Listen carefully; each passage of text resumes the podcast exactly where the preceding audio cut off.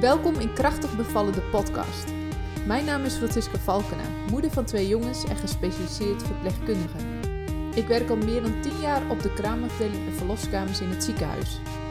Met deze podcast wil ik je informeren, motiveren en inspireren over de zwangerschap, bevallen en de kraamtijd. Naast mijn werk in het ziekenhuis heb ik een online platform voor zwangere vrouwen opgezet. Op dit platform kun je andere zwangere vrouwen ontmoeten en staat er een complete en deskundige cursus voor je klaar. Wil jij goed voorbereid zijn op jouw bevalling? Kijk dan op www.krachtigbevallen.nl. Deze keer is de gast Carla Volmer. Zij is bekkenfysiotherapeut en gaat jullie mega waardevolle tips geven die ervoor zorgen dat jouw bekken soepel en krachtig blijft tijdens de zwangerschap en bevalling. Ze vertelt waarom rust na de bevalling zo belangrijk is en hoe je het beste je bekken en bekkenbodem weer kunt belasten na de zwangerschap. Superleuk dat je er bent. Jij bent uh, bekkenfysiotherapeut. Klopt. En uh, we gaan onze zwangere eens even wat vertellen over het bekken. Ja. En um, ja, uitgerekend, jij bent daar een heel goed persoon voor om dat te doen. dus uh, ik zou het leuk vinden als je jezelf even voorstelt aan de luisteraars. En Ja. dan gaan we beginnen. Ja, nou, dank je dat je me hebt uitgenodigd, eh, Francisca. Hartstikke leuk. En eh, nou, mijn naam is Carla Volmer. Ik ben eh, fysiotherapeut en eh bekkenfysiotherapeut in het Antonius ziekenhuis in Sneek. Ehm, fysiotherapeut ben ik inmiddels, eh, nou, acht of negen jaar, denk ik. En eh bekkenfysiotherapeut ben ik eh, vier jaar geleden geworden. Heb ik een masteropleiding voor gedaan. En eh, ja, dat is hartstikke leuk. Ja, Om met zwangeren, maar ook met ja, ex-zwangeren te werken, zeg maar. En ja, ja en bekken is een heel groot deel natuurlijk, wat vooral bij een zwangerschap hè, volledig belast wordt, om het zo maar te zeggen. ja, En daarom vond ik het wel heel belangrijk eh, om het daarover over te hebben. ja, Maar ik vind het eerst wel leuk om even een luisteraar eh, een beetje meer over jezelf eh, te vertellen. Want ik weet dat je twee eh, mooie Ja. kinderen hebt. Misschien kun je daar wat over Ja. vertellen. ja, ik heb een eh, dochter, Jette, van eh, vier jaar. Bijna vier jaar, moet ik zeggen. Ja, ze is eh, over een eh, maandje is ze jarig. We zijn nu net begonnen met eh, dat ze naar de school toe gaat. Dus het voelt al bijna dat, Ja. ze, dat ze vier jaar is. Maar dat Ja, moet ze nog worden. Ja. En Mart die wordt drie weken later dan, eh dan Jet is die jarig en die wordt dan eh, twee. Dus ja, ik heb nog twee kleintjes thuis. Ja, ja, superleuk. Ja, superleuk. hartstikke leuk. Dus jij weet als geen ander hoe het is om zwanger te zijn en te bevallen. Ja, nee, zeker. Ja. Nou, misschien kunnen we het daar later nog eens even over hebben. Ja. Ehm, zou je misschien eens een beetje aan onze zwangeren kunnen uitleggen hoe gaat het nou precies in zijn werk? Je bent zwanger en wat gebeurt er dan precies in het bekken? Ja, heel veel natuurlijk. Hè? Je, voelt, eh, je voelt vaak eh, al wel vanaf het, eh, nou, hè, soms vanaf het begin al wel dat er, dat er dingen aan het veranderen zijn. Hè? Dat gaat wel heel geleidelijk. Het is meestal niet van de een op de andere dag. En toch worden soms zwangeren ook wel van de een op de andere dag een beetje door overvallen. Hè? Dat je ineens het gevoel hebt van dat je in hele korte tijd, nou, gevoelsmatig bijna niks meer kunt. Terwijl dat natuurlijk niet zo is. Maar eh, eh, ja, op een gegeven moment eh, kunnen we natuurlijk allemaal steeds wat minder hè, als we ouder worden. Maar dat is een veel geleidelijker proces natuurlijk dan, dan dat het in de zwangerschap is. Maar ehm, ook in de zwangerschap ja, wordt dat bekken gewoon eh, flink belast. En eh, ehm, ja, Heeft het gewoon wat meer. eh, en hoe, hoe zie je die belasting dan? Echt puur omdat het gewicht erop komt? Ja, en ook in de zwangerschap maakt je lijf ook een hormoon aan. En, ehm, veel hormonen natuurlijk, maar onder andere ook een hormoon om ja, het lichaam een soort van voor te bereiden op eh, de zwangerschap en ook op de bevalling die gaat komen. Dus het gaat allemaal veel eh, weken worden, waardoor het hele eh, ja, bekken en het hele bandenstelsel wat er, wat er omheen zit veel ja, slapper wordt als het ware. Dus je moet het je zo voorstellen dat je normaal gesproken best wel een heel stevig bekken hebt. En aan de achterkant dan, dan vormen die bekkenhelften samen met het, eh, ja, het sacrum noemen we dat, het heiligbeen, vormen die het eh SI-gewricht. En daar zit Mhm. een heel bandenstelsel zit daar omheen, wat een hartstikke stabiel geheel is. Maar in de zwangerschap zie je toch dat dat veel minder stabiel wordt. En dat is alleen maar hartstikke gunstig voor de zwangerschap en gunstig voor de bevalling die gaat komen.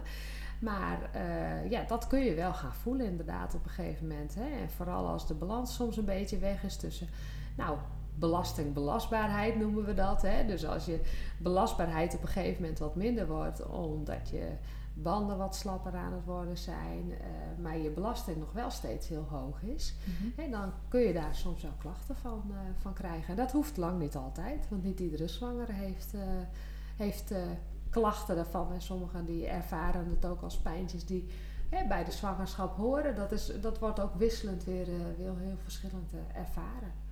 Ja, want hoe zit het dan? Hè? Je zei van um, um, dat het een functie heeft. En wat, wat heeft het vooral voor functie in de zwangerschap, zeg maar? En je zei van nou, het wordt, wordt wat slapper. Nou ja, hè, dat, er, dat er ruimte gaat komen in het bekken natuurlijk. Ja, hè? Dus dat je baarmoeder kan, groter kan worden, dat er een kindje ingegroeid in, of in kan gaan groeien. Ja. En, uh, maar uiteindelijk uh, ja, heb je ook uh, een, een ja, soepeler bekken nodig, zeg maar, om te kunnen bevallen. Ja, precies. Hè, buiten de zwangerschap om is dat allemaal natuurlijk veel stabieler en geeft dat niet mee. Nee. Of nauwelijks mee. En in de zwangerschap ja, gaat dat proces langzaam op gang. En zodat het ja, steeds ja, beter meegeeft, zeg maar. Hè? Dat het een beetje meeveert. Het, schuift niet ten opzichte van elkaar of wat dan ook. Hè. Zo moet je het absoluut niet bedenken. Maar het, het, het, het, wordt, wat, uh, het wordt wat soepeler. Ja, precies. En die soepelheid hebben we natuurlijk nodig. Hè? Vooral ook bij de geboorte van zo'n kindje. Ja. Hè? Die moeten dan doorheen. Dus ja. als dat bekken wat soepeler is, hè, gaat dat wat uh, gemakkelijker. Ja. Maar merk je het eigenlijk gelijk op het moment dat je zwanger bent? Nee, dat hoeft niet. Nee, sommige vrouwen hebben er helemaal geen last van. Nee. nee. nee. Hè, waar je vaak wat wat, wat op een gegeven moment vaak waar je last van zou kunnen krijgen, is dat je als je dus. Uh, van, want van zo'n soepel bekken, uh, nee, daar heb je, je, je gaat dat niet voelen op die manier. Hè. Soms kan het wel zo voelen aan het einde van de dag dat je denkt, god, het voelt allemaal wat zwaarder. Hè? Want ook je bekkenbodem speelt daarin een rol. Die ook aan het, uh, nou ja, laat ik het maar even verweken noemen, hè, is. Dan hè, kun je misschien het best een voorstelling van maken. Ja. Maar um, je gaat niet voelen dat je, dat je, dat je geen uh, uh, controle meer hebt of zo over het bekken. Maar het zijn vaak de klachten die je ervan kunt krijgen, omdat bijvoorbeeld je belasting wat groter is. Hè? Dat, ja. dat je toch iets meer doet dan dat je lijf op dat moment aan kan. Oh, en soms zien we ook hè, dat vrouwen juist minder doen dan dat ze uh, aan kunnen. Hè? Dat daardoor ja, ook het we noemen dat het actieve en het passieve systeem. Hè. Je hebt het passieve systeem, dat zijn meer je banden en, en, en je, uh, ja, je bandenstelsel die er een stabiel geheel van maken. En je actieve systeem, dat zijn je spieren. Ja, die moeten ook uh, toch wel hun werk blijven doen. Hè. Je, je hele diepe buikspieren, diepe dwarse buikspier noemen we dat. Die zit echt als een corset om je romp heen. Die moet wel voor een stuk stabiliteit uh, moet die zorgen. En ja, als je uh, steeds inactiever wordt, dus je, uh, je, gaat te weinig doen, zeg maar, dan wordt die spier ook niet meer echt geprikkeld. En dan zie je soms daarin ook, uh, hè, dus dat te weinig bewegen ook meer klachten kan geven. En ja. de klachten zijn dan voornamelijk vaak waar je last van gaat krijgen. En wat voor klachten moeten zwangeren dan aan denken? Ja, dat kan ook heel wisselend zijn. Hè. Dat kan pijn onder in de rug zijn. Dat kan pijn een beetje uitstralend zijn naar je linker of je rechterkant. Soms ook aan beide kanten. Pijn in het bil komt wel heel veel voor. Mm-hmm. Uh, die is wel heel kenmerkend. Daar heb ik misschien nog wel even een leuke oefening voor straks. Hè? Want wat je heel vaak ziet is dat er dan een bilspier is die uh, eigenlijk die functie van die stabiliteit over wil gaan nemen. Oh ja, dus die ja. dan denkt van nou, als, dan, hè, als die banden dan uh, ja, het allemaal niet meer uh, zo stevig op zijn plek houden, dan ga ik wel veel harder werken. En dan uh, ja, zie je soms dat die overbelast raakt. En die kan wel gewoon hele vervelende uh, pijn geven in het bil. Wat je soms ook wel kunt voelen naar je achterbeen. Hè, de achterkant van je bovenbeen. soms altijd in je kuit. Kriebelt een beetje. Oh ja. Ja, en door die regelmatig eens even te rekken. Eens even wat rust te geven.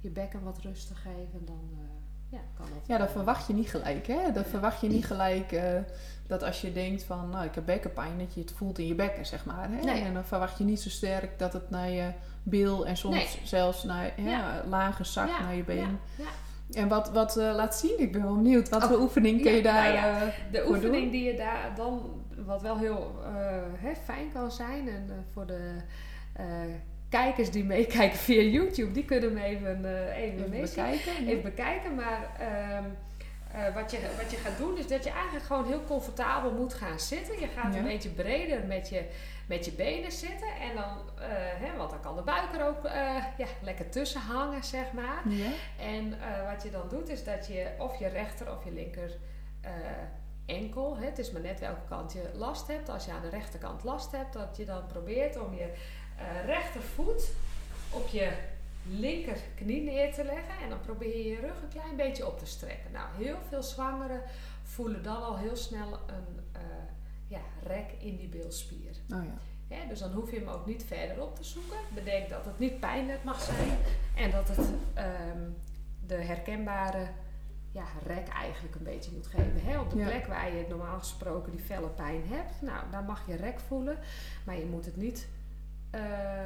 nee, je, je- Niet overdrijven, Nee, je moet het niet overdrijven. Het moet niet zo zijn dat je, dat je daar veel meer last van gaat krijgen. En hoe vaak zou je dit kunnen doen? eh, Nou, dat kun je prima. eh dat zou je drie keer achter elkaar wel kunnen doen. Je mag hem ook wel even vasthouden, hè, tot 30 seconden. ja, precies. Dat je dus je niet- opstrekt als het ware met je rug. Precies, zo. je, je Ja. rug een klein beetje hol maken. Soms hoeft dat niet eens. Hè. Soms is het de je voet erop liggen al, al genoeg. Dat, de- ja, dat wisselt enorm per persoon. Dus eh, kijk gewoon even, Even proberen. even op gevoel doen, inderdaad. En als je denkt, nou, nu voel ik wel rek in mijn bil, dan hou je dat gewoon even vast. Je hoeft ook niet als de rek op een gegeven moment wat verdwijnt in die 30 seconden, hoef je hem niet weer opnieuw op te zoeken. Hè. Je bent dan nog steeds wel aan het rekken.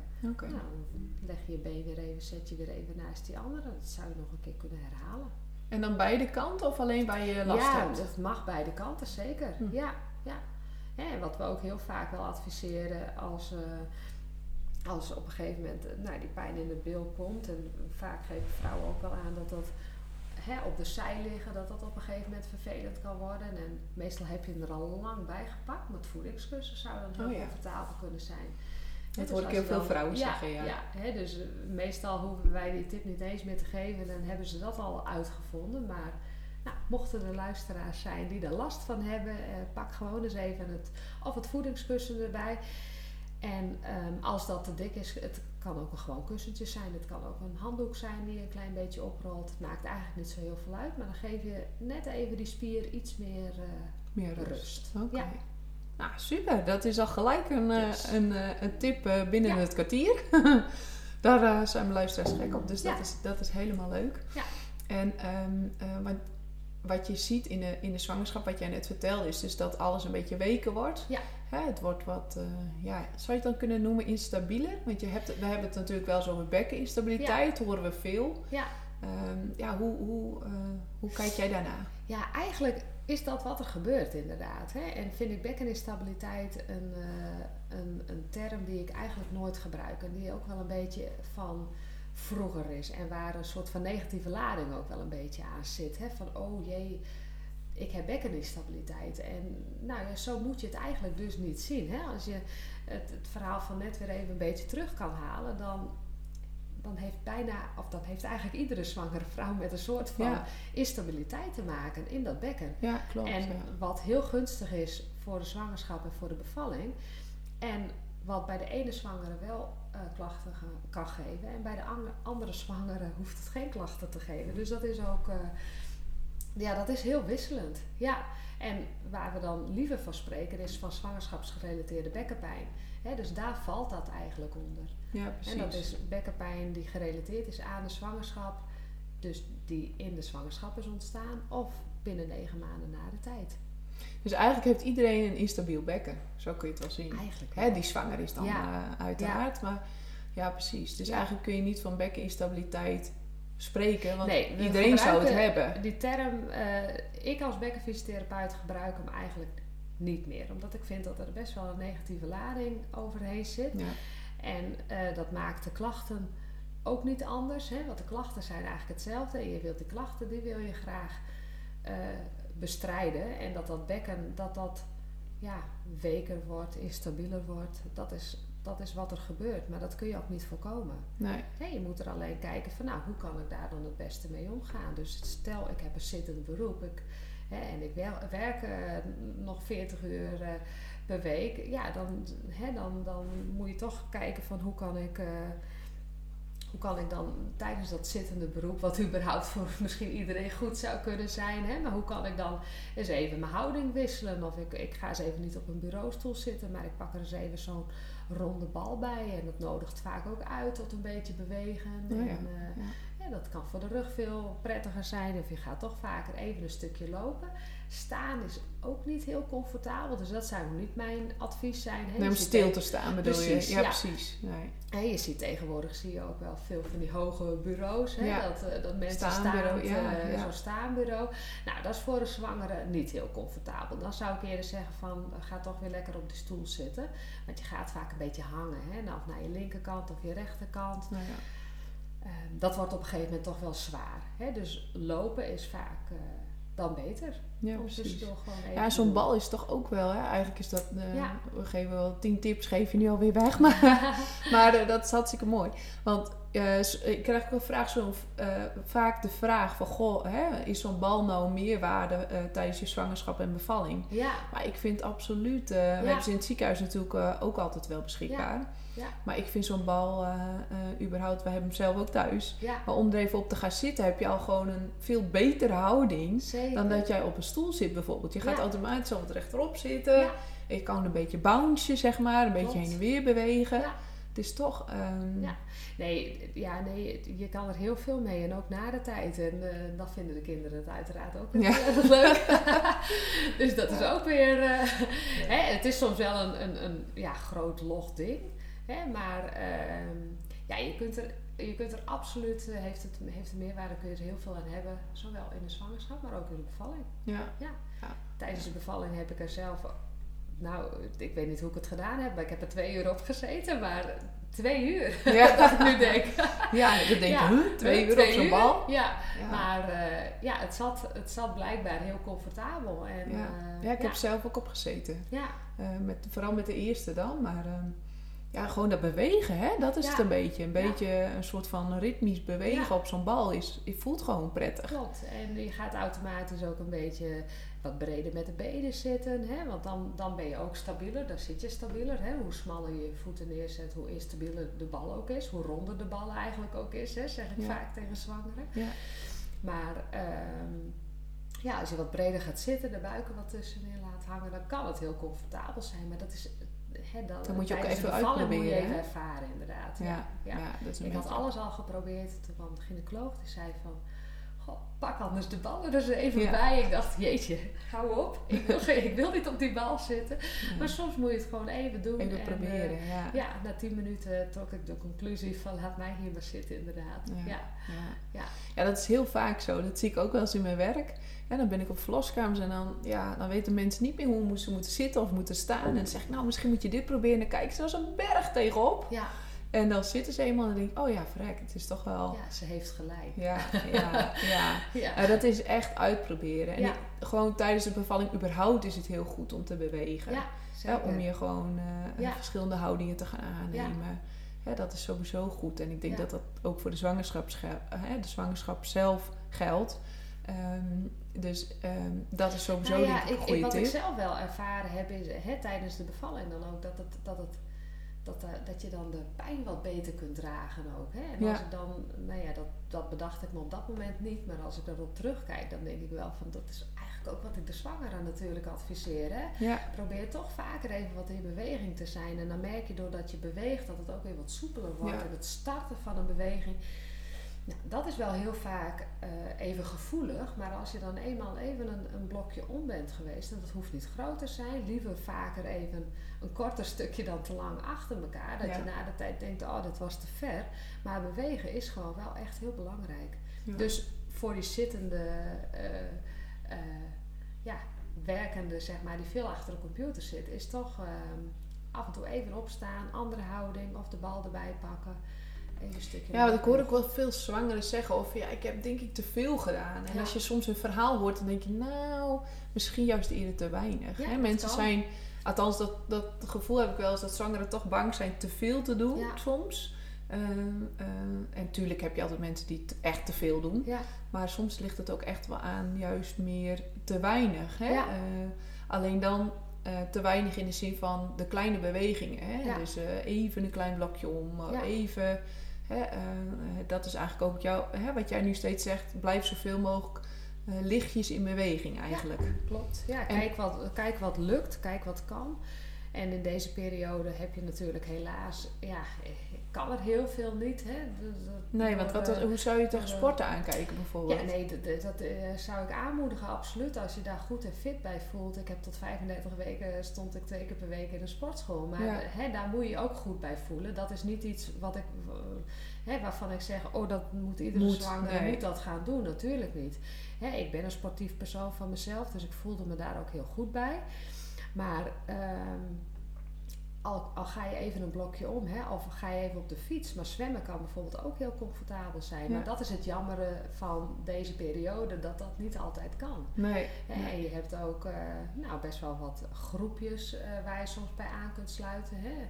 Zwanger fit groepjes, dus kijk eens bij je in de regio of bij je fysiotherapiepraktijk bijvoorbeeld. Hè. Die, hebben dat soms, die bieden dat soms ook wel aan. Ja, of yoga. Of, ja, yoga. Nee, zeker. Oh, het hoeft niet gelijk... Uh, high intensity uh, training te zijn. Maar yoga zou ook weer meer scharen onder ook een stukje ontspanning. Ja, ontspanning. En dat je echt, is niet echt sport uh, natuurlijk. Nou, nee, ik denk wel dat het een hele mooie aanvulling kan zijn. Hè? Maar ik heb zwangerschapsyoga heb ik aan het einde van de tweede zwangerschap ook gedaan. Maar daar heb ik vooral ook geleerd om te ontspannen. Te ontspannen. Je praat van de inspanning. Ja. Ja. ja. nee, maar inspanning kan ook ontspanning zijn. Hè? Dat je na de tijd een heel voldaan gevoel hebt en dat je denkt van, oh, hè, fijn, lekker. En ook om een stukje ja, conditie te behouden, wat je zeker ook nodig hebt voor uh, de eindsprint, de bevalling, zeg maar. Maar um, nee, de, de yoga, die, die helpt je ook wel echt om... Uh, ja, de, een beetje soepel te houden, hè? Ja, een beetje soepel te houden. Om te leren gaan met uh, oncomfortabel, niet comfortabel gevoel in je, in je lijf. Wat natuurlijk weeën ook wel wat kunnen zijn. Hè? Dat je daar, uh, dat je leert om die weg te puffen en dat soort dingen. Ja. ja. Ja, leuk. leuk dat maar ja, wat ik zeg, dat is gewoon heel jammer. Uh, ja, dat, is nu een beetje lastig. Ja, hopen dat, nu, dat er weer versoepelingen aan. Maar kijken wat wel kan. En, en je hebt tegenwoordig ook heel veel thuisprogramma's, oefeningetjes. En, eh, ja, maar ja, goed, wandelen en fietsen kan natuurlijk altijd. Zeker. Ja. En dat je dat een beetje afwisselt uh, en niet overdreven lang. Uh, ga niet gelijk een uur fietsen en een uur wandelen misschien. Nee. Maar wel ja, kleine stukjes. Ja. En hoe kan het dan soms dat toch zo'n zo iemand ja, soms in een rolstoel belandt?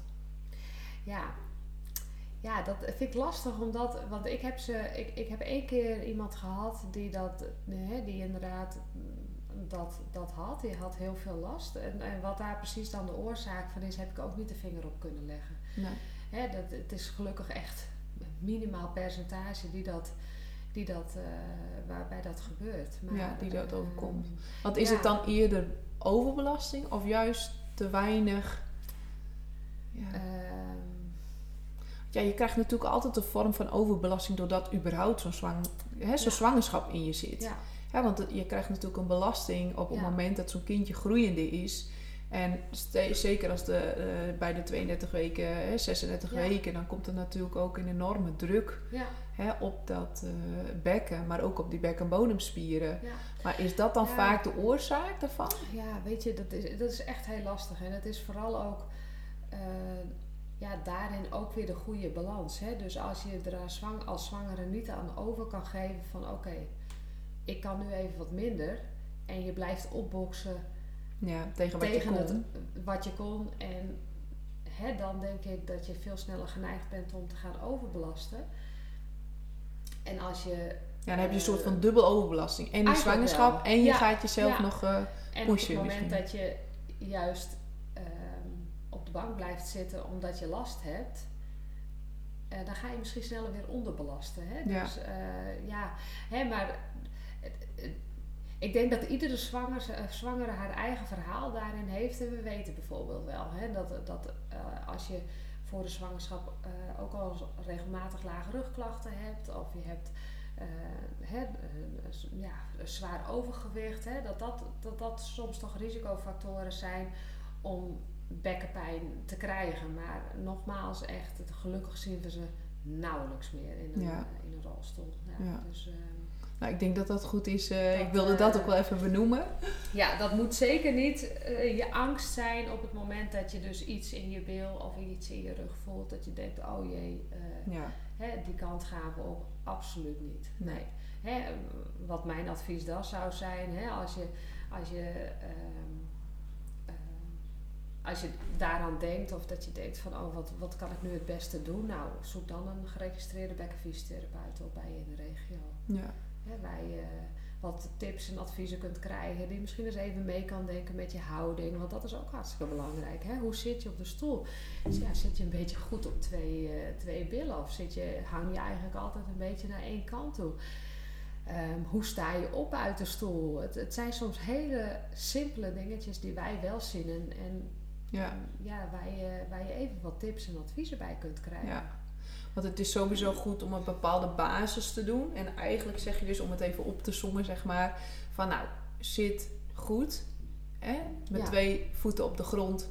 Ja. Eigenlijk recht op je stoel. Met Ja. twee billen op de, op de, op, op de Ja. stoel, zeg maar. En probeer niet, nou ja, jullie zien niet hoe ik nu zit, maar Nee. probeer niet te zitten zoals ik nu zit. Dus ik heb mijn voelen- voeten onder de stoel, bij wijze van ik schuif hem weg en ik sta op, dat zeg maar. Dus probeer echt een beetje comfortabel te zitten, twee voeten inderdaad op één, eh, of eh, twee voeten goed op de grond.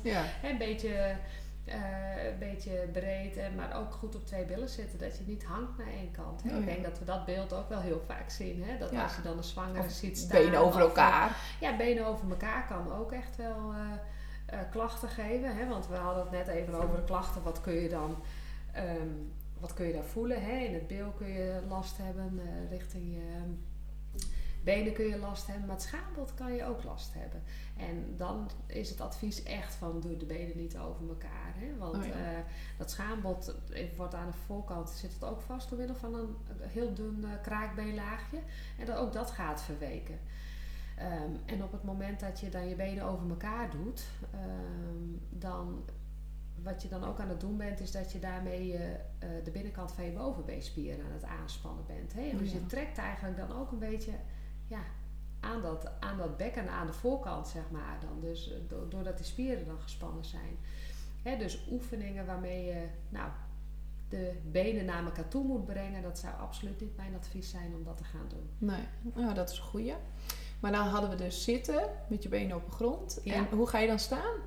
Ehm, nou, wat je kan doen, hè, al- als je geen last hebt, zou ik gewoon lekker eh, zo Doen zoals je het altijd doet. Precies, Ja, absoluut. En überhaupt. Hè, dus dan zou ik niet eh, nu ineens eh, heel anders gaan bewegen, heel anders gaan eh, leven dan dat je deed. Hè, dan gaat het gewoon goed. Maar stel je hebt... Je voelt een felle pijnscheut eh, bij opstaan. Hè. Sommige vrouwen zeggen dat wel eens als ze s'avonds op de bank zitten en dan uit de bank moeten komen. Hè. Oh ja. Vaak heb je dan ook al wel even gezeten. De bank is wat slapper, wat lager meestal. En wat dan kan helpen is dat je één voet een beetje naar achteren zet en de andere wat naar voren. Dus een beetje in schredenstand als het ware. Ja. En eh, dat je vanuit naar je bovenlichaam wat naar voren brengen en dan op die manier op komen staan. Nou ja. En dan verdeel je het gewicht een beetje beter. En eh, dat kan soms wel nou, beter voelen. Ja. Ja. Oké, dus zo ga je staan. Nou, maar je- ook hè, als we het dan hebben over s'avonds lang op de bank zitten, probeer dat ook te beperken. Ja. Dus ook, eh, weer, En hè, dat is eigenlijk de derde tip. Gewoon Ja. veel bewegen. Of Nou nou ja, veel, maar regelmatig even. bewegen. Ja, niet te lang stil blijven zitten, niet, lang, eh, niet te lang staan, maar eh, tussendoor ook weer eventjes even wat bewegen. Ja. Ja. Hey, en, ehm, wat ik ook wel eens hoor en wat ik zelf ook wel ervaren heb, is dat, dat zware gevoel aan het Mhm. eind van de dag. Ja, dat je echt denkt van, oh, het is of, nou, het zakt het er bijna onder je benen Ja. vandaan. Ja. Of, Ja. of, of ja, hangt er bijna een bol eh, onder je kont, om het zo maar te zeggen, die er doorheen zakt, zeg maar. Hè? Dat gevoel, dat, dat, dat zware gevoel in je onderlichaam. ja. Nee, Waar- dat is eh, heel herkenbaar. Ja, ook, waar komt dat van? Ja, waar komt dat van? Hè? Dat, ik kan het niet eh, zeggen van nou dat is het. Want wat je soms ook wel eens ziet is dat zwangeren op een gegeven moment ja, echt wel, ja, eh, die zie jij misschien soms ook wel. Hè? Echt wel dat die bloedvaten eh, wat op kunnen gaan zetten. Dat je echt wat een stuwend gevoel kunt gaan krijgen. Maar eh, nou, daar heb ik dan geen verstand van. Maar ehm, Nee, dan bedoel je echt spatten aderen nou ja, precies. van je, onderen. ja, dat, je- hè, kan. dat kan ja. een zwaar gevoel geven natuurlijk. Ja. Maar wat dan meer natuurlijk mijn expertise is, is meer de bek- en bodemspier. En Oh ja. ja, die kan ook dat zware gevoel geven. Hè? Je ziet in een zwangerschap dat de bek- en bodemspier ja, zich ook heel langzaamaan aan gaat passen naar de bevalling die gaat komen. Dus ook aan het verweken is, wat alleen maar weer heel gunstig is.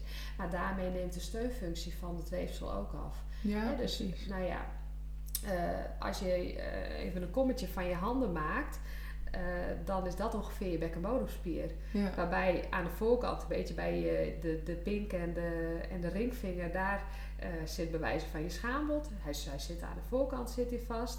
Aan de achterkant, eh, nou ja, bij de, ehm, bij de pols een beetje, zeg maar, daar zit je, eh, daar zit je stuitje.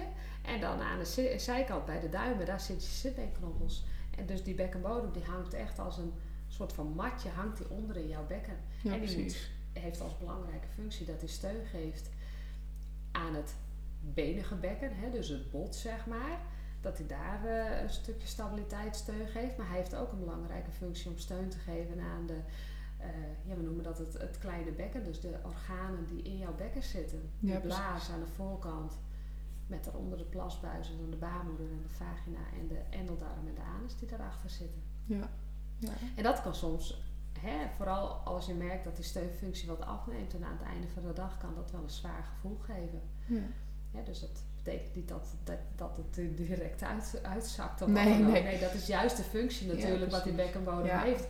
Om dat wat tegen te gaan. Maar als je eh, te maken krijgt met eh, spierweefsel wat, wat eh, soepeler aan het worden is en minder steunfunctie geeft, dan nou, ja, kun je wel dat zware gevoel ervaren. Ja. Ja. Hey, en eh, hoe kan het dat eh, vrouwen zo vaak plassen? Heeft dat met het... Misschien een rare vraag, maar het is zo vaak zo hè, dat veel eh zwangeren natuurlijk om het hutje-mutje moeten Ja, plassen. ja. Hutje-mutje, ik weet niet of dat Fries is of Nederlands, maar Maakt Dus- niet uit. dus, mensen weten vast wat ik bedoel. Heeft dat te maken met je bekkenbodem? Nou, ik denk dat dat er niet direct mee heeft te maken. En dat, ik weet daar ook niet heel veel van. Maar eh het misschien bekkenbodem, zeg maar. Maar ik denk, eh, wat, wat ik ervan weet, is dat dat vooral ook wel te maken heeft met een... Want dat is soms in, de, in het begin van de zwangerschap dat je dat direct al wel kunt hebben. Hè? En dan gebeurt er in die bekkenbodem nog niet direct heel veel anders. Ehm, maar, eh, dus dat het op basis van hormonen eh, volgens mij kan zijn. Hè? Ja, Maar misschien klopt. dat jij dat veel Ja. beter eh, weet. Nou ja, dat, dat weet ik inderdaad, hè, dat, dat de hormonen daar een invloed op hebben. En eh, de groeiende baarmoeder sowieso. Hè, op een gegeven moment, en vooral als het wat verder is, hè, dat die de blaas dat is het dan verdrukt. wel, eh, hè, als je de anatomie een beetje ziet, dan die, die baarmoeder die duikt eigenlijk een beetje over die blaas heen. Ja. En eh, ja, als je dan op een gegeven moment een, eh, een hoofdje op die blaas hebt of een eh, trappelende voetjes, ja, dan Ja. eh, doe dat maar eens op je buik eh, met een volle blaas of geen volle blaas. Dat geeft gewoon druk. Ja, en de blaasinhoud wordt natuurlijk wat minder. Ja. Die heeft wat minder ruimte, dus Ja. je blaasinhoud ja. Wordt wat, wat minder, zeg maar. En wat je dan soms wel ziet, is als die blaasinhoud inderdaad wat minder wordt. je lichaam gaat soms ook wennen aan een bepaalde blaasinhoud. Hè? Dus dat je, als je, nou, noem maar wat, altijd bij nou, 200 milliliter vulling naar de wc toe gaat. En je gaat ineens bij 100 milliliter vulling steeds al naar de wc toe. Dat je blaas ook veel sneller dan aandrang kan gaan geven. Hè? Dus dan ontstaat er een soort van gedrag rondom het plassen. Ja. Hè, dus dat betekent nog niet soms altijd dat die blaas ook al helemaal vol is. Maar als je dan ook maar iets voelt, dat je direct al naar de wc toe gaat. Maar dat is in de zwangerschap gewoon heel lastig. Omdat je, wat ik zeg, ook te maken hebt Ja. met, eh, met een, ja, een, een kindje die er bovenop, ja, die er eigenlijk een beetje overheen eh, gaat soms. En ja, verschillende houdingen kunnen soms wel vervelend zijn. Ja. Ja, waardoor je snel naar de wc moet. En vaak. ja, precies. Maar dat zie je ook heel vaak weer. Hè, na dat gaat wel weer weg, hè? Dat weer gaat, ja, ja. Ja. klopt. Dat, dat is iets wat, wat heel tijdelijk is. Ja. En wat er gewoon bij hoort. Hè, maar wat ook, eh, als we het dan even hebben over, eh, nou ja, dat, eh, ik noem dat dan even plasgedrag. En dat klinkt misschien een beetje gek, want dat is het niet.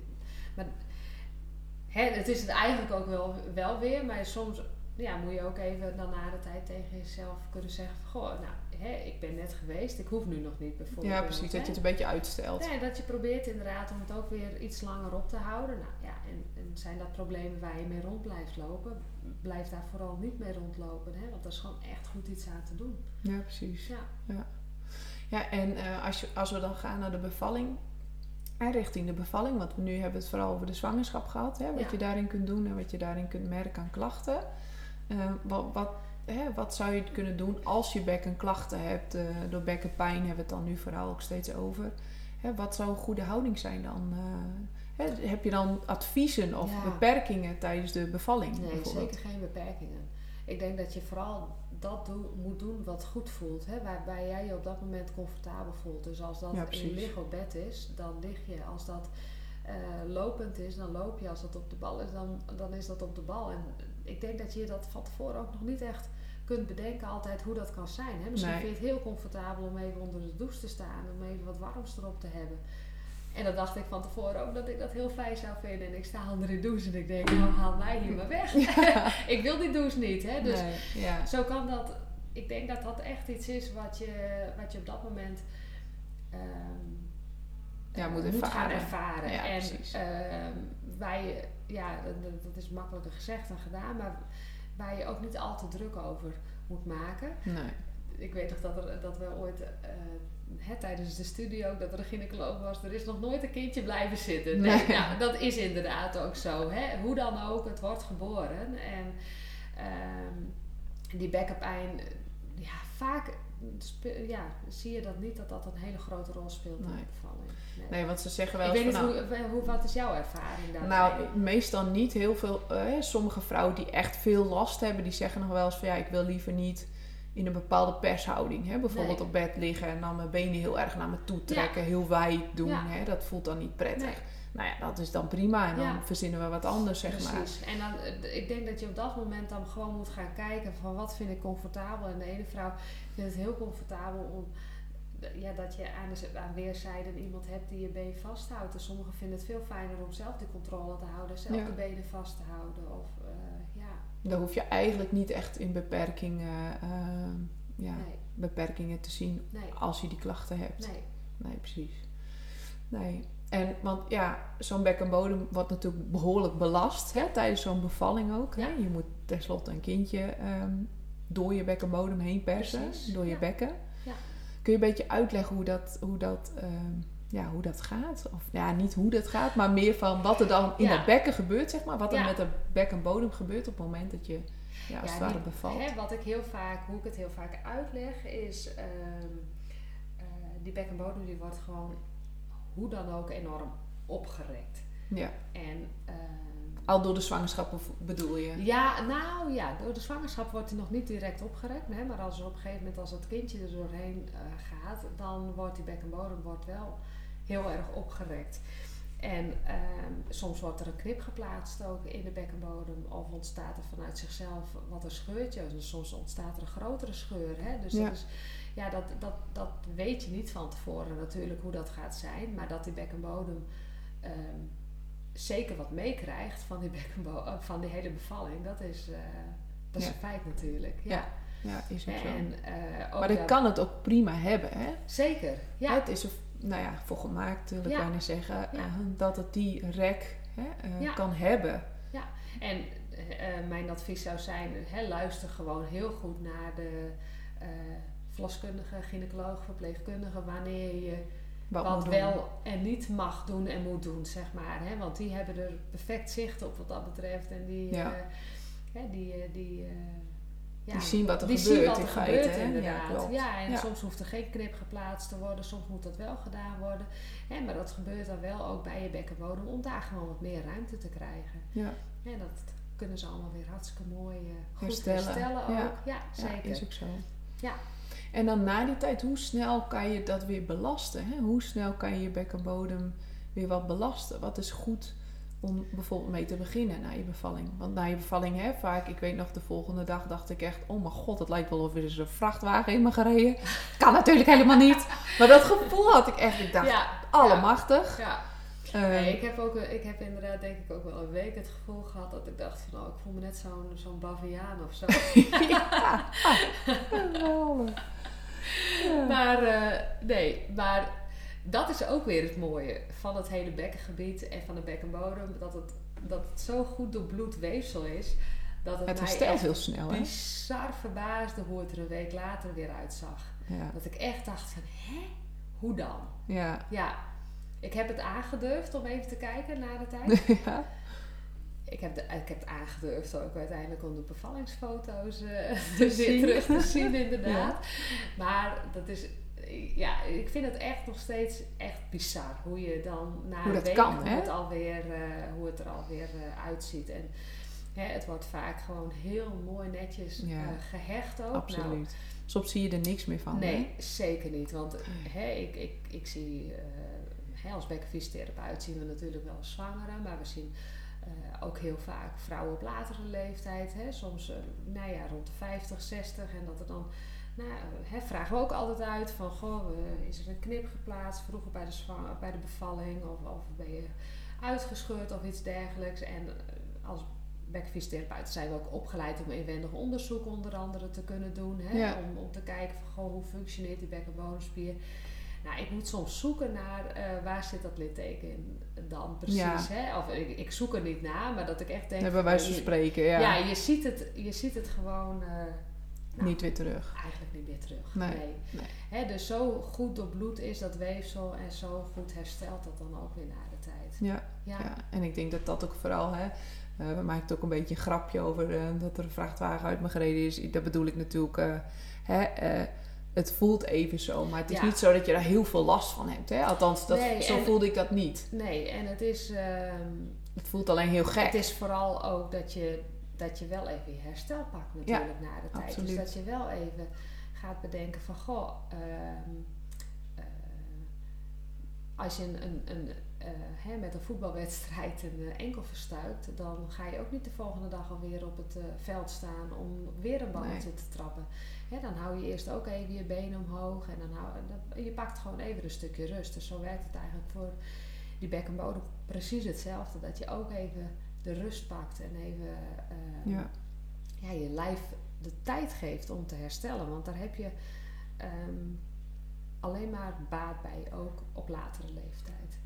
En hoe lang moet je dat herstel nemen? Wat zou je dan adviseren? Van nou, wanneer... Ja, dat ligt er denk ik ook wel heel erg aan hoe is je bevalling verlopen. Hè? Dus Mhm. op het moment dat je, ehm, eh, hè, dat je een, een, een, hele vlotte bevalling hebt gehad en eigenlijk geen gescheur, hè, niet ge- uitgescheurd bent, dan, dan zul je je ook weer wat sneller fit voelen. Maar ja, hè, je hebt, het, het is, er is natuurlijk ook een kans dat er een grotere scheur of een totaalruptuur ontstaat. En ehm, ja, dan is hè, de kraamtijd, dus de zes weken tijd, is toch wel belangrijk om die wel in acht te nemen. En ehm, dan wel gewoon ook ehm, met regelmaat even wat rust te pakken.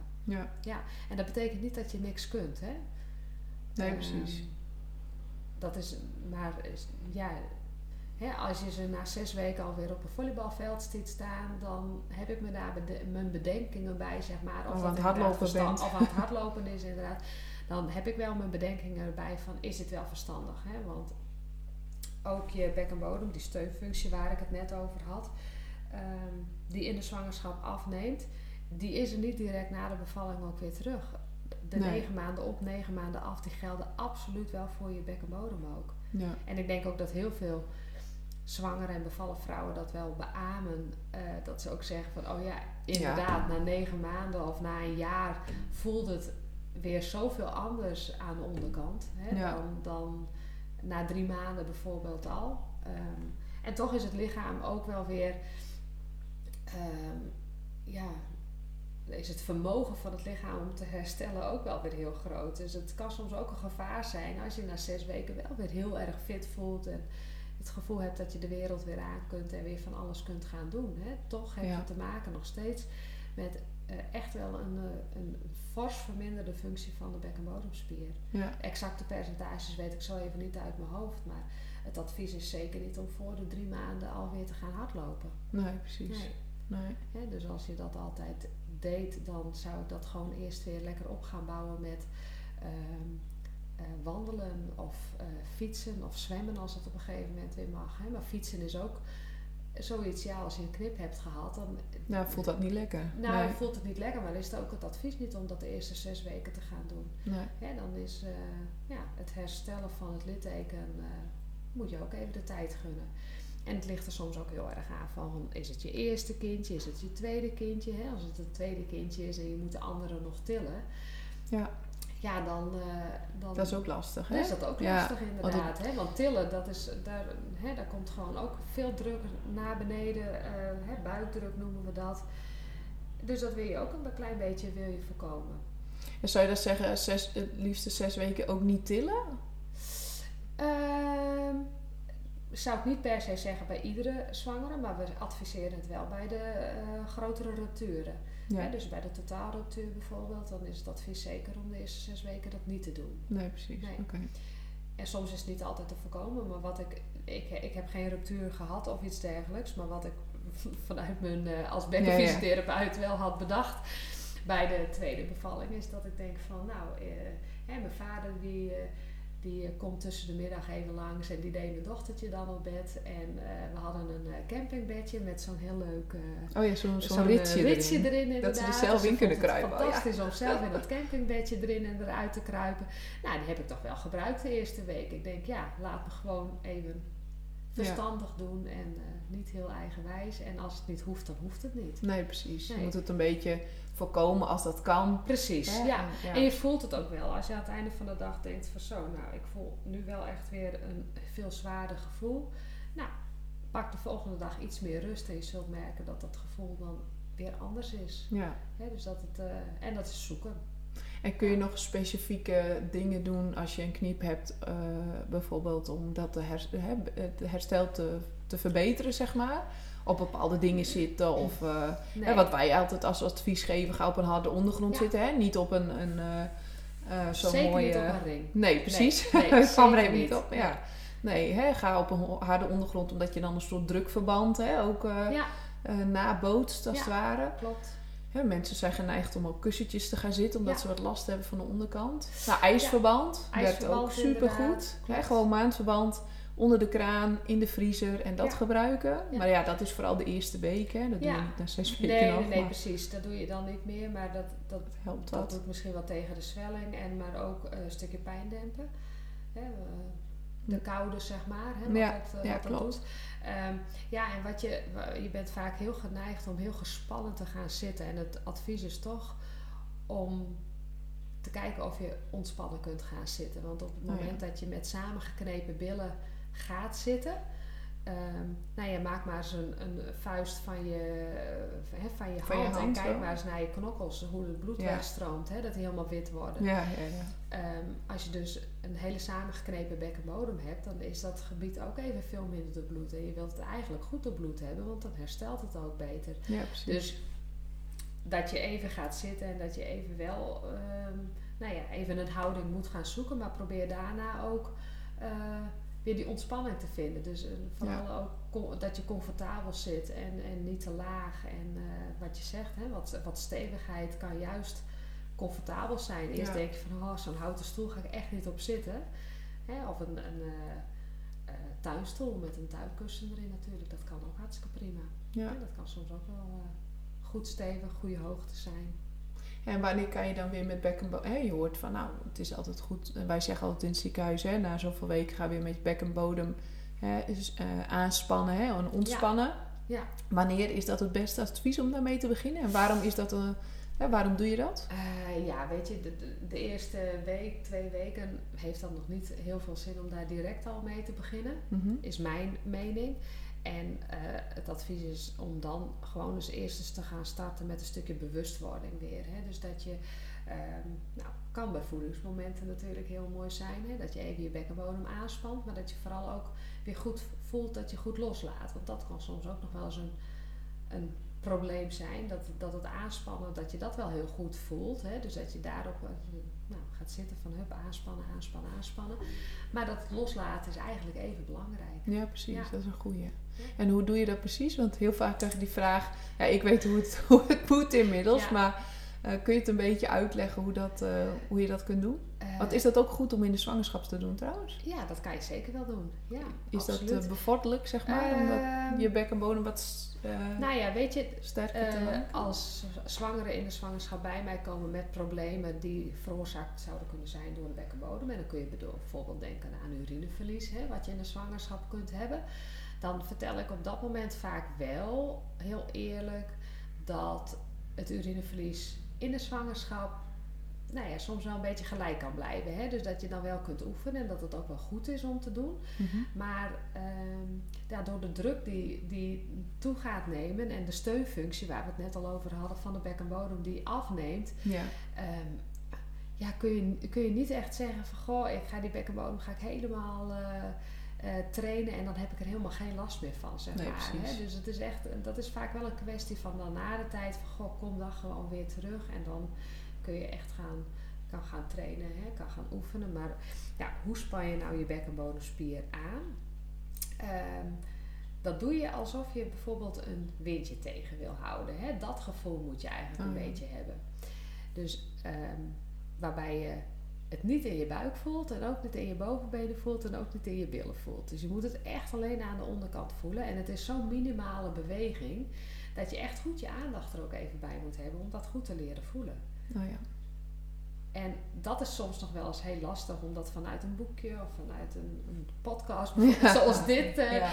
aan te leren. Dus dat vind ik ook, ik, aan de ene kant vind, vind ik het heel goed dat, om dat ehm, aan te leren. Maar wat ik nog liever zou zien is dat je eigenlijk gewoon standaard een keer even naar een bekkenfysiotherapeut toe gaat na de tijd. En dat je even die oefeningen Ja. goed aangeleerd krijgt. Dat er even een check-up is van hoe is het eigenlijk met de bek- en bodemspier. Je ziet in omringende landen dat dat eigenlijk al heel normaal is. Ja. Ja. Ja, en eh, een vriendin van mij die woont in Duitsland en die hebben dat standaard. Oh ja. Ja. Ja. En ik begreep eh, in Frankrijk dat ze twaalf keer naar een bekkenfysiotherapeut standaard gaan. Nou ben ik daar niet direct een voorstander van. Want Nee. heb je geen klachten, dan heb je geen klachten. Dan hoef je Nee, er ook niet nee, iets, dat is ook zo. dan hoef je daar Het ook is niets meer mee te doen. Maar Als je daar moeite mee hebt, Ja. of je hebt daar klachten, Zeker, ga laagdrempelig gewoon naar een Precies, bekkenfysio. ja, blijf er niet te lang mee rondlopen en, eh, nee, en zoek een geregistreerde bekkenfysiotherapeut op. Ja. Hè, die, eh, ja, dat Maar goed, dat, dat aanspannen en dat ontspannen is wel heel belangrijk voor na die tijd om dat eh, ehm, te doen eigenlijk. En dat ontspannen is dus eigenlijk even belangrijk dan dat aanspannen. Ja, Want precies. je kunt dat is goeie. goed weer aanspannen als hij ook helemaal goed ontspannen is. Ja. En, en, dat kun je zo'n beetje na twee weken wel eh, gaan doen. Zeker. En dan begin je dus eerst maar rustig met wat bewustwordingsoefeningen. Hè. We Ja. noemen dat soms ook wat knipoogoefeningen. Dus dat je eigenlijk gewoon even kort, kort even even- aanspannen en weer loslaat. En dat je dat voelt. En je kunt het op een gegeven moment kun je het ook in het dagelijks leven wat gaan inzetten. Eh, bijvoorbeeld eh, ja, als je je kindje uit de wieg eh, tilt. Hè, dat, je, dat is een tilmoment even. Dan heb je, heb je weer wat buikdruk. Dus dat je er even je bek- en bodemspier aanspant. Oh ja. Ehm, Als je het eruit haalt. zeg-. Ja, precies. En Ja. dat je nou, weer loslaat als je het kindje bij je hebt, hè, als Ja. je het vast hebt. Ja, Oh ja, zo slim. En breid je dat uit? Hou je het steeds langer vast? Dat kan. Of hoeft dat Nee, niet? Nee, je kunt het inderdaad, je kunt de oefeningen uitbreiden in duur. Je kunt ook de oefeningen uitbreiden met wat snelkracht, hè, dus kort, Ja. krachtig aanspannen. Je kunt op een gegeven moment ook zeggen van nou, ik probeer hem, eh, z- nou ja, 2, 3, 4, 5 seconden aan te spannen. Hè. Kijk wat lukt. Ehm, wat daar weer heel belangrijk is, is dat je goed door blijft ademen. Oh ja. Hè, dus dat je niet, Dat je niet je adem vast En dan dat je je bek en bodem zeg maar eh, op die manier eh, Ja. omhoog eh, trekt. Ehm, hè, maar dat is, dat is, ja, dat is bijna te lastig om bij in, zo in een podcast Ja. goed uit te leggen hoe je dat nou goed doet. Want je wilt eigenlijk liever dat je, ja, dat je de bek en bodem aanspant op een uitademing ook. Oh ja. Maar dat zie ik in de praktijk dan ook nog wel heel vaak, dat dat gewoon heel lastig is. Dus daar hebben ze vaak wel even wat nou, hulp en adviezen bij nodig. Ja. Ja. Ja. Maar goed, het is altijd goed om een bepaalde, eh, ja, om bepaalde trainbaarheid weer terug te, Ja. te doen. Op het moment dat je zo'n twee weken rust hebt gehad na zo'n bevalling. Ja. En om dat dan hier eens eerst eens mee te beginnen. Ja. hey, en stel nou ehm, dat je klachten houdt. Hè? Stel nou, nou, dit heb je dan een beetje opgebouwd, dat aanspannen, ontspannen. Ehm, en je hebt toch nog klachten van je bekken, of het nou pijn is, of misschien urineverlies. Ja. Want daar hebben we het nog niet echt over gehad. Ja. Maar dat kan natuurlijk ook. Ja. Hè, dat kan, je hebt het al even benoemd, in de zwangerschap zou dat kunnen. Ja. Maar dat nou, ja, horen we toch best wel heel vaak eh, na de zwangerschappen. Hè? Daar praten mensen vaak liever niet over. Nee.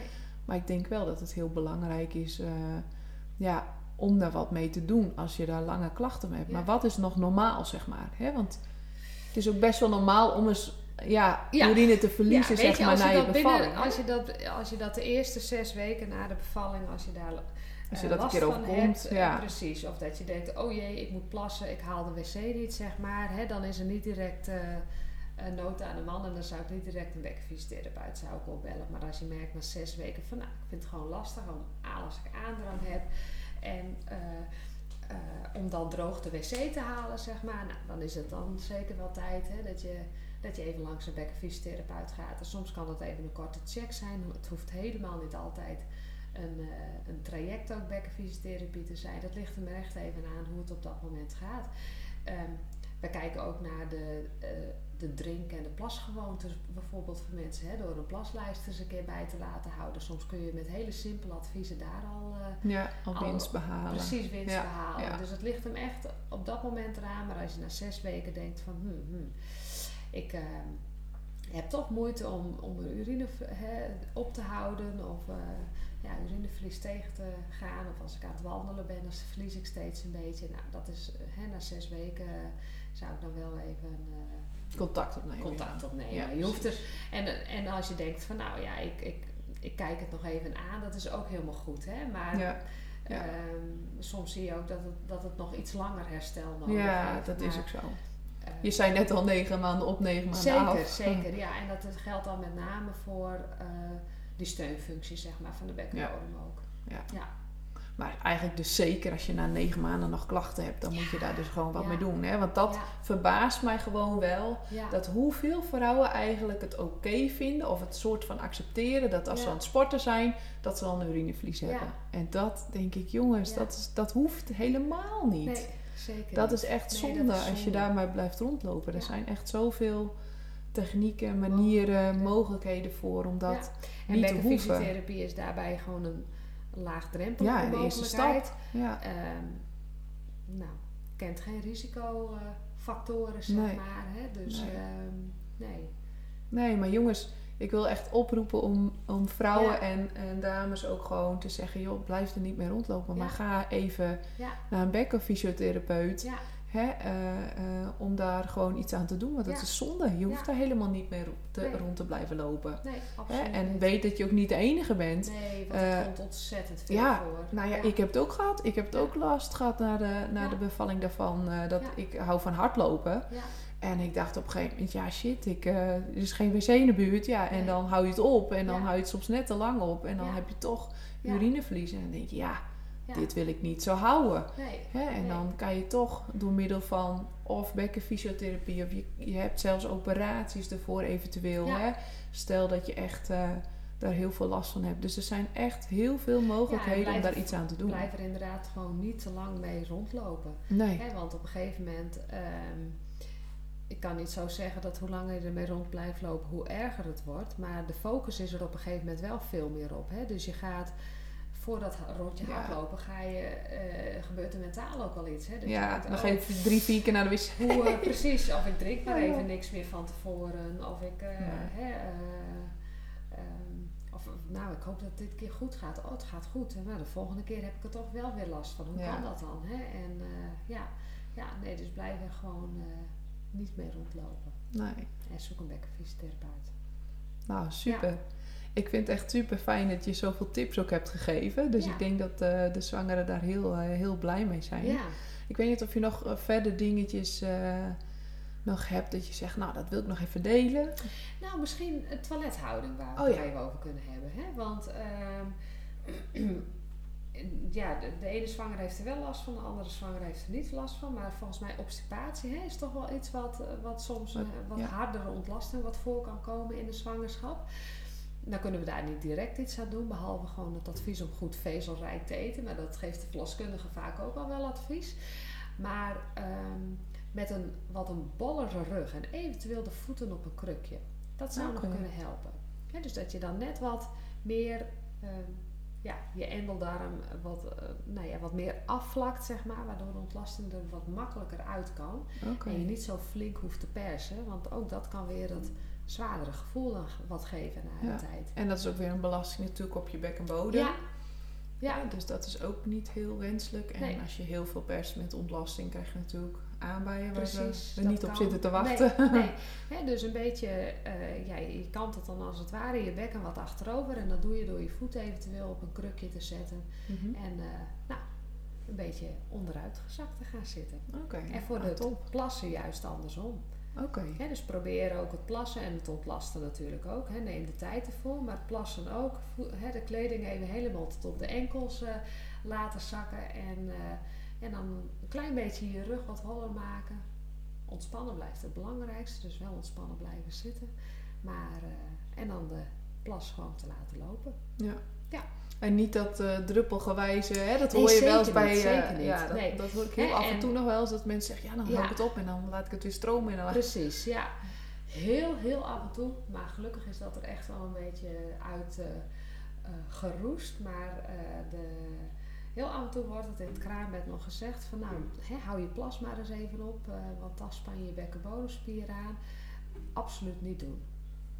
Je urine lekker laten lopen, want je onderdrukt daarmee je, ja, je plasreflex, zeg maar. En daarmee gaat die blaas denken, oh, ik hoef niet meer, dus dan blijft er wat achter. Nou ja. Dan krijg je andere problemen. Oké. Ja, nee, dus plas mooi, uh, uh, absoluut niet ophouden en zeker dit stippeltjes plassen. Nee, oké. Dus als jij uh, last hebt van ontlasten, dan doe je eigenlijk een, een, een uh, bolle rug. Ja. Een beetje als een kat, om het zo maar te zeggen, in je onderrug. Ja. En als je moet plassen, dan, dan ga je wat rechtop zitten. Ja, oké. Ja. Top. Dat is een goede tip. En soms wil het dan even net wat gemakkelijker. En de anatomie is soms ook net even wat anders, dat het juist helemaal niet werkt. Dus voor de luisteraar die denkt van nou, ik heb daar helemaal niks aan, bij mij werkt het niet zo. Hè, um, probeer het gewoon uit en uh, kijk gewoon. Ach, het zijn op laagdrempelige tips die je gewoon makkelijk kunt even, precies, even kunt proberen. proberen. Ja. ja. super. Leuk. Leuk dat je zoveel uh, tips hebt gegeven. Ik denk echt uh, dat zwangeren kunnen hier echt mega veel van leren en gewoon proberen. En ja, super bedankt. Heel waardevol. Graag gedaan. Ja, vond het hartstikke leuk. Deze podcast dient als inspiratie en voorbereiding op jouw zwangerschap en bevalling. De informatie die gegeven wordt kan handig zijn voor jou, maar het kan niet worden gezien als een medisch advies. Voor meer informatie over hoe jij je het beste kunt voorbereiden op jouw bevalling, ga dan naar www.krachtigbevallen.nl, het online platform voor zwangere vrouwen.